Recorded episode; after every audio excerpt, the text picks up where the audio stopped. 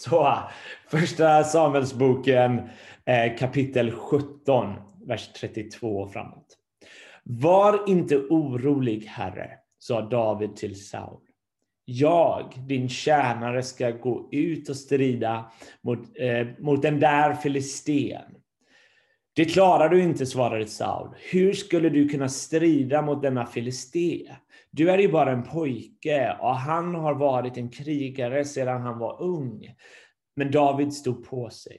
Goliat kom allt närmre och hans skuldbärare gick framför honom. Men när Goliat fick syn på David föraktade han den unge och rödkindade pojken. Tror du att jag är en hund eftersom du kommer mot mig med, käpp, med en käpp? Sa han till David. Sedan förbannade han David i sina gudars namn. Och han sa, kom hit så ska jag ge dig, ge ditt kött till fåglarna och de vilda djuren. Du kommer emot mig med svärd och spjut och lans, sa David till Filisten. Men jag kommer emot dig i härskarornas herres namn, han som är Israels armés Gud, den Gud som du har hånat. Alla som är församlade här kommer att förstå att Herren inte räddar genom svärd och spjut. Det är Herren som avgör striden och han kommer att överlämna er åt oss. Medan Goliat eh, närmade sig sprang David ut för att möta honom. Snabbt eh, stack han ner handen i sin hederväska, tog fram en sten och sköt iväg den med slungan. Stenen träffade filisten i pannan och trängde djupt in och Goliat stupade med ansiktet mot marken. När Filisten såg att deras hjälte hade fallit vände de om och flydde. Samtidigt gav israeliterna upp ett härskri och rusade efter filisterna och jagade dem ända bort till Gat och Ekrons portar.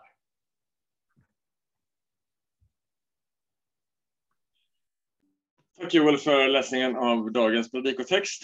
Eh, härligt med söndag igen och jag ser alltid fram emot söndagar och eh, likaså mot denna söndagen och att få predika över den här texten om eh, David och Goliat. Och det är lite så först när man liksom läser en sån här text så tänker man vad ska man säga om det här? Det här har, har man ju hört den här berättelsen på olika sätt. Men sen att få börja liksom sätta sig in i texten och tränga in och se liksom att man hittar saker i texten som talar till en och som berör. Så därför så känns det fantastiskt idag att få, få dela med mig av det som Gud har berört mitt hjärta eh, när jag har läst den här texten. Och vi kastas in i ett narrativ, in i en berättelse. Och vi möter David, där han eh, ser ut över dalen, över en dal, och han ser över till sluttningen på andra sidan. Och i 40 dagar och 40 nätter så hade Davids bröder och hela Sauls armé varit uppställda på ena sidan av dalgången.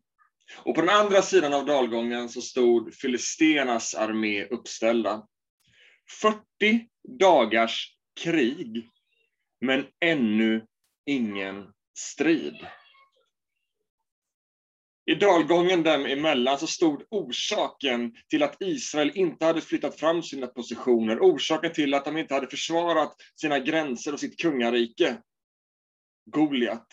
Och när Goliat höjde sin röst och hånade Israels armé, då är det som att liksom David kan känna hur fruktan sprider sig i hela Israels läger. Och de blir som förstelnade, de blir som förlamade.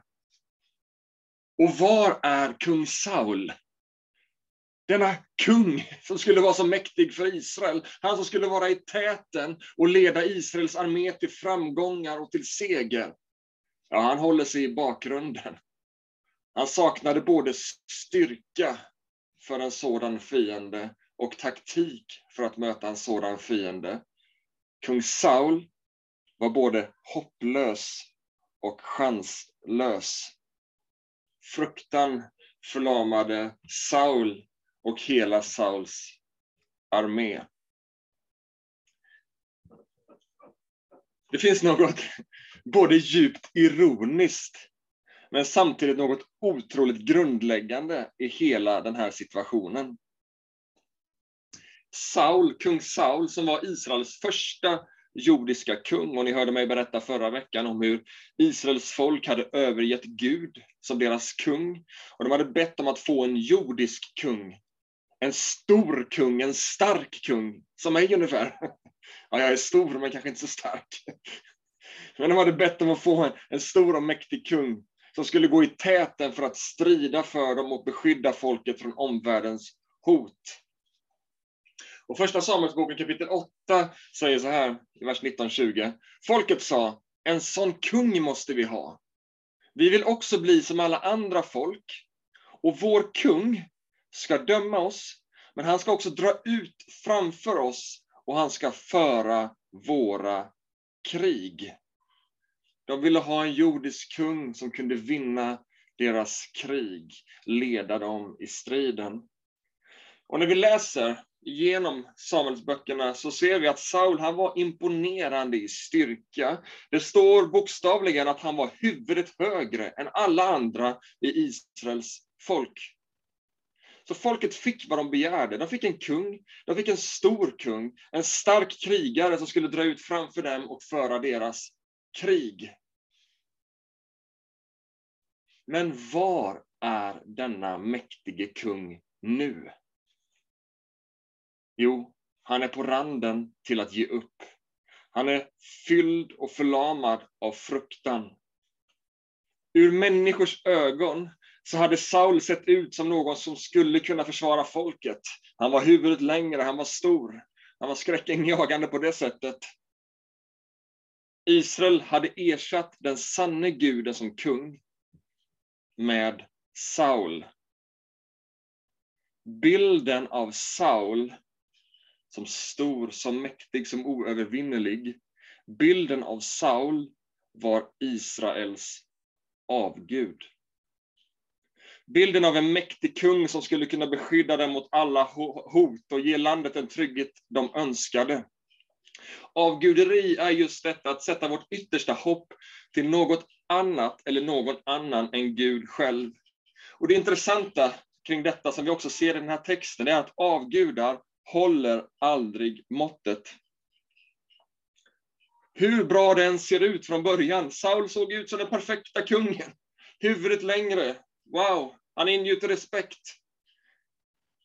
Fram tills Goliat kom. Fram tills Goliat klev in på arenan. Och är det någonting vi kan lära oss av berättelsen om David och Goliat, någonting som var lika sant för Israels folk då och som är sant för oss nu, så är det insikten att du och jag är helt hjälplösa inför Goliat. Hur mäktiga vi än blir i vår egen kraft, så är vi ändå hjälplösa inför fienden. Inför synden, inför döden, inför mörkret. Våra avgudar kan ge en känsla av tröst när allting är väl, men inför verkliga utmaningar så håller våra avgudar tunt. Saul gömmer sig. Saul vågar inte utmana. Saul kliver inte fram. Saul är inte den anföraren som han skulle vara. Han kan inte utmana Goliat. Hela berättelsen visar det är som att Gud ropar, hallå, ni kan inte vinna denna striden. Jag själv, Gud måste kliva in och strida och vinna striden för er. Och det här var en liten introduktion till min predikan idag. Det är lite som introduktionen, jag insåg när jag skrev min introduktion att det är som en liten predikan i sig självt. Men vi ska fortsätta med att packa upp den här dagens bibelberättelse lite mer och svara på tre frågor. Vem är Goliat? Vem är David? Och vem är jag? Jag vet inte hur du är när du läser den här typen av berättelser, men det är lätt när vi läser berättelser lik denna i Gamla Testamentet att vi identifierar oss direkt med hjälten. Antingen på det sättet att vi inspireras av hjälten, wow, jag ska bli som David. Eller att vi krossas av insikten, om nej, jag är inte alls som David, jag är inte lika modig, jag är inte lika helig, jag är inte lika gudfruktig. Och så fastnar man i det där läget. Men kanske är det inte hela syftet med berättelser likt den här om David och Goliat, att vi ska identifiera oss med hjälten? Eller? Ja, vi får se vad vi kommer fram till under resten av den här predikan. Vi börjar med att titta på Goliat. Vem är Goliat?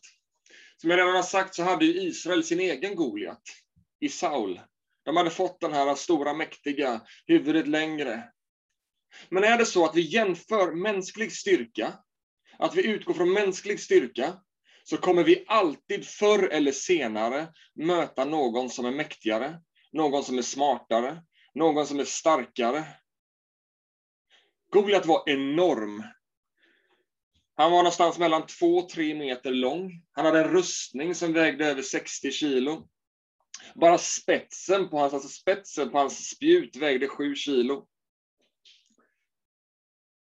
Poängen i Bibelns återgivning av Goliat är inte alla detaljer. Den är väldigt detaljrik. Men detaljerna finns där för att måla upp en skräckinjagande bild.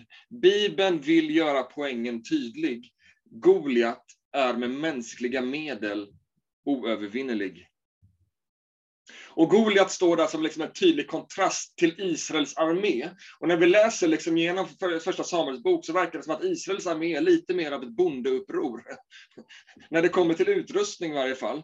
Vi läser om Saul, ja han hade en jättefin rustning. Men tittar vi i kapitel 13 så står det om Israels armé att de saknade både vettiga vapen och vettig utrustning.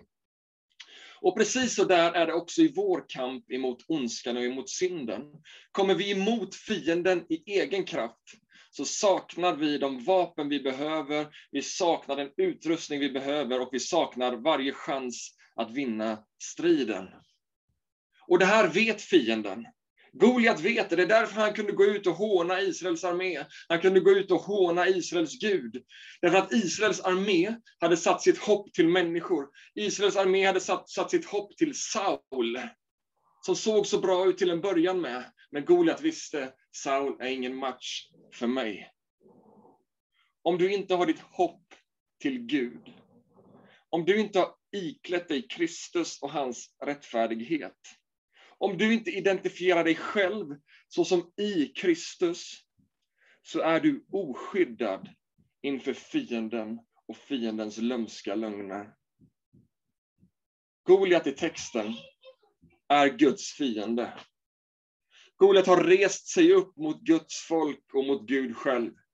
Han vill förslava Guds folk och ytterst sett så finns han där för att förstöra Guds planer med sitt folk.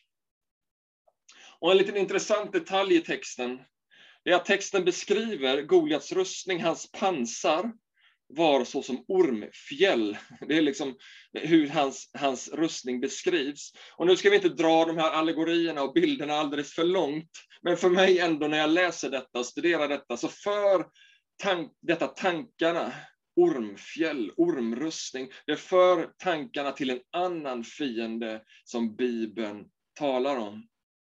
Goliat som strider mot Guds planer. Goliat i sin allegori är en avbild av den orm vars huvud ska krossas, som vi läser om i Första Mosebok. Goliat, fienden. Vem är David? Ja, där har vi David, fåraherden, springpojken som springer med ost och bröd till soldaterna. Mellan att han vaktar fåren där hemma. Han är ung.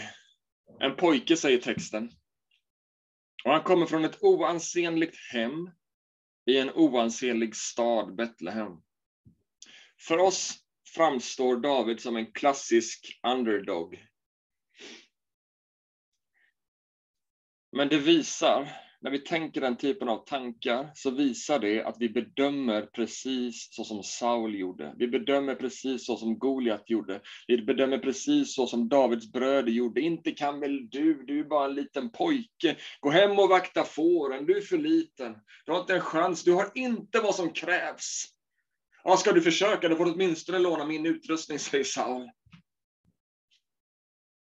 Precis som dem så letar vi ofta efter styrka på fel ställen.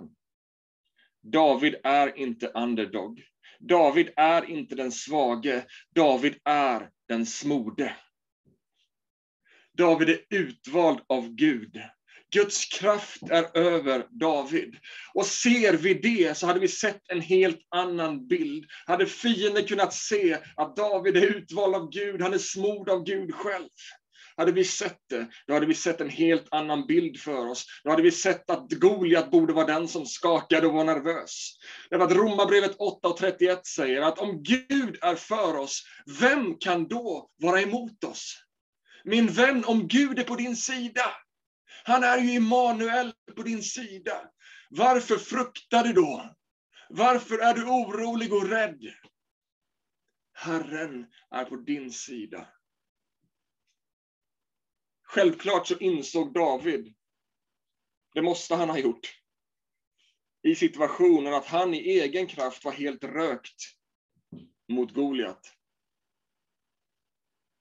Men David såg inte till sig själv. David visste, precis likt Mose, när faraos armé hade gett sig ut efter dem och liksom de stod där framför Röda havet. När Gud strider för Mose, då utropar Mose, Herren är min starkhet. Herren är min frälsning. Ja, Herren är en mäktig stridsman. Vi läser det i Andra Mosebok kapitel 15. Med mänskliga ögon så var Goliat helt överlägsen. Hans vapen var helt mäktiga.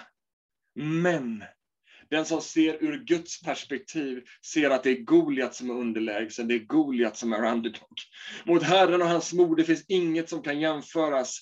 Och striden, den hinner inte ens börja förrän den är slut. Det blir aldrig ens spännande. Det är aldrig ens någon kamp. Gud valde den lille mot den store för att det skulle vara utom alla tvivel att det var Gud, Gud, Gud som stred för dem. Mot Gud så skramlar fienden med kraftlösa vapen. Det enda som behövs är en sten i pannan.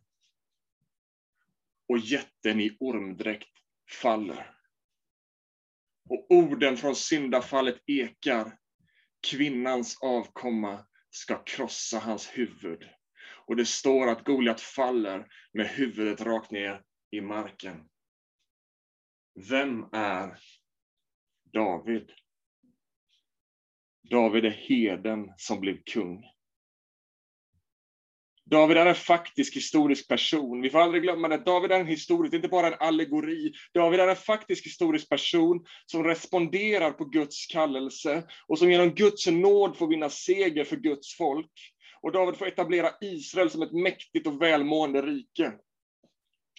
Som än idag kallas för Israels gyllene tidsålder. Messias, det står talas om Messias, att han skulle komma från Davids ett. David får löftet, och vi kommer ägna en hel söndag åt det här temat, kopplingen mellan David och Jesus. Men bara snabbt nu, när vi läser Jesus släkttavla i Lukas, så ser vi hur Jesus i rakt nedstigande led är ifrån Davids släkt. Vi läser om hur Jesus blir krönt till konung med en törnekrona. Var då någonstans? I Davids stad. Och hur han där på ett kors vinner evig seger över den verklige Goliat, djävulen själv och hur Jesus Kristus, den smorde, etablerar ett evigt rike utan slut. En evig gyllene tidsålder. Det finns så mycket paralleller så man får nästan ropa halleluja. David är en historisk person, men han är också en pekare fram emot den verklige Messias. David den smorde, David kungen, David hede pekar fram emot den smorde Messias som också både är kung och herde. Och en annan intressant sak i texten är att efter David har vunnit seger över Goliat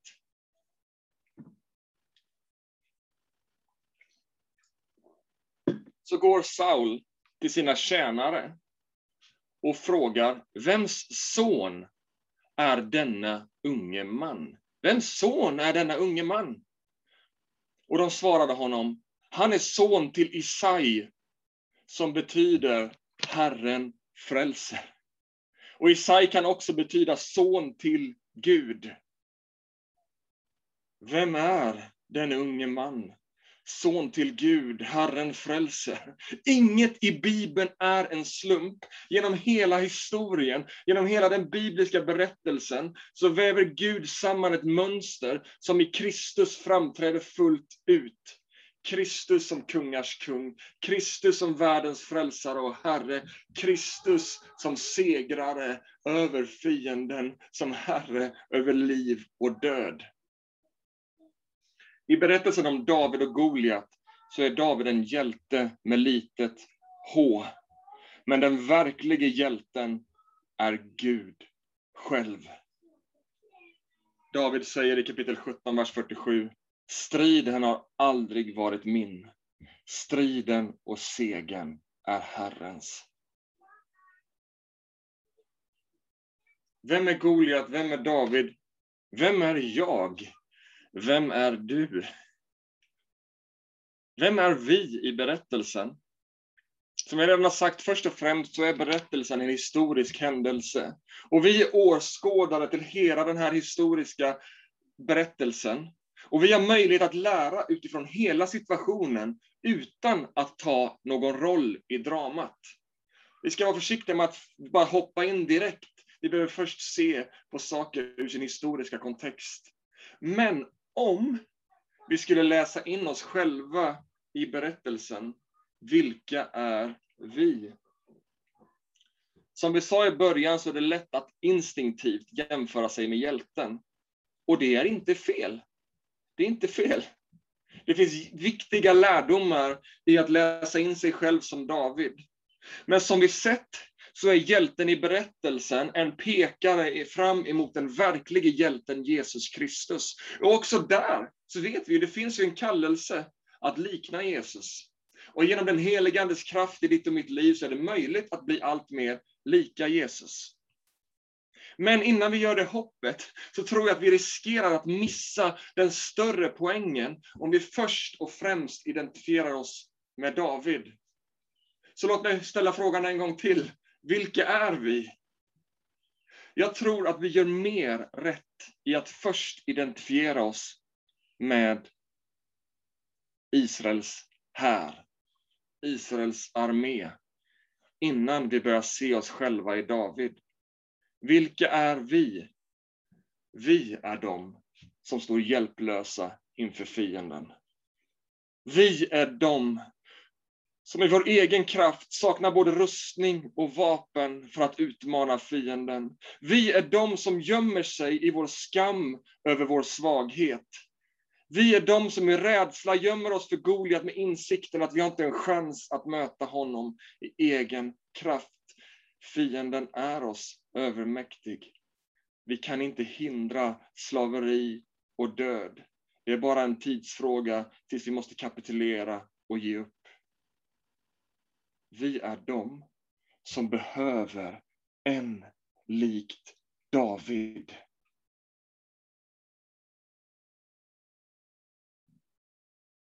Vi är en som behöver någon. Isaias son, Herren frälser, Guds son. Vi behöver någon lik David. David var helt oväntad fåraherde som springer med ost och bröd. Men han var sänd av Gud. Jesus var helt oväntad, en snickare från Nasaret, född i Betlehem. Men smord och sänd av Gud. David kom med en slunga, helt osannolikt, men han vann seger. Jesus med ett kors, helt osannolikt, men han vann seger. Goliat trodde segern var avklavad, ha ha ha, Israel kommer att bli slavar. Djävulen trodde att korset var en given seger. Och det var det, men inte för honom, utan för Gud och Guds folk. Vi behövde Gud att strida för oss. Vi behövde Gud att övervinna vår synd, vår ondska och vår död. Det var ingen match för Gud. Men det kostade honom allt. På korset vann Gud seger för oss. Den seger vi inte förmådde att vinna, den seger vi inte kunde vinna, för det behövdes andra vapen. Det behövdes en annan stridsman. Det behövdes Herrens smorde, Immanuel. Och låt mig avsluta med en sista bonuspunkt som jag har kallat för Vi strider inte för seger, men vi strider från en position av seger. Berättelsen om David och Goliat slutar inte med att jätten faller. När David vunnit seger över Goliat så beskriver texten hur Israels armé intar mark och övervann varje fiende på deras väg. Och vi hörde hur Joel läste i början, hur de gav upp ett härskri och rusade fram, ja, ända till Ekrons och Gats portar. Precis, precis som det är lätt att direkt läsa in sig själv i hjälten och missa den verkliga hjälten, så finns det också ett annat dike. Och det är att helt förkasta hjälten som inspiration till att leva ett liv i seger och leva helhjärtat för Gud. Davids seger över Goliat bör primärt rikta vår blick mot Jesus som vår Herre och Frälsare och Räddare. Vi bör primärt bli påminda om att Jesus gjorde för oss vad inte vi kunde göra för oss själva. Men lyssna nu, David, seger, David är också en inspiration för oss att leva helhjärtat för Gud, att leva i förtröstan och tro på Guds makt. Davids liv är också en inspiration för oss att visa mod, att stå upp för Gud, att stå upp mot synd och ondska. Men lyssna nu, vi gör det inte för att vi ska vinna seger. Vi står upp för Jesus för att han har vunnit seger för oss. Davids seger över Goliat möjliggjorde för Israels folk att inta mark och driva varje fiende på flykten. Davids seger var inte en kallelse till passivitet. Åh, vad härligt, nu vann David seger över Goliat. Vi sätter oss ner och äter ost och bröd och dricker kaffe. Nej. Davids seger över Goliat var en kallelse till armén att rusa fram, inta mark och utarbeta denna seger i hela landet. Jesus seger möjliggör för oss att inta mark och leva i seger i våra liv. Varför? Jo, därför att Herren har stridit och Herren strider än idag för sitt folk. Sefania, profeten i Gamla Testamentet, där står det i kapitel 3, vers 17, att Herren, din Gud, bor hos dig, en hjälte som räddar. Herren bor i dig. Herren är på din sida och Herren strider för dig när du kliver fram i tro och vågar lita på hans löften. Bara de senaste veckorna så har jag fått sms och samtal i fysisk person och via telefon från människor i vår församling som berättar och vittnar om hur Gud står på vår sida. Om hur Gud har stridit för dem, om hur Gud har banat väg för dem, om hur Gud har helat dem ifrån sjukdom, om hur Gud har gjort det omöjliga möjligt, om hur Gud har flyttat på hinder och röjt undan berg i deras väg. Därför att Herren har stridit för oss och vunnit seger, så låt oss i tro inta landet. Vi strider inte för seger, vi strider utifrån en position av seger. Så att varje område i våra liv, varje omständighet och utmaning får böja sig, inte för namnet Jakob, inte för namnet något annat, utan för namnet Jesus. Det innebär inte att vi kommer att vinna varje strid på denna sidan evigheten. Jag vill vara tydlig med det.